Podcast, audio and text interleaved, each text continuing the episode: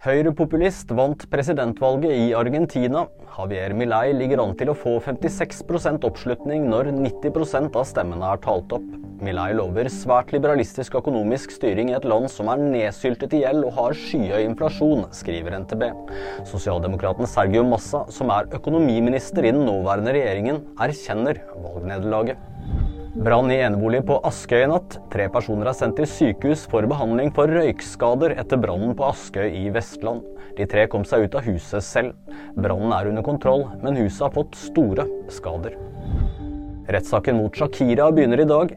Popstjernen er tiltalt for å ha unndratt 14,5 millioner euro i skatt fra Spania.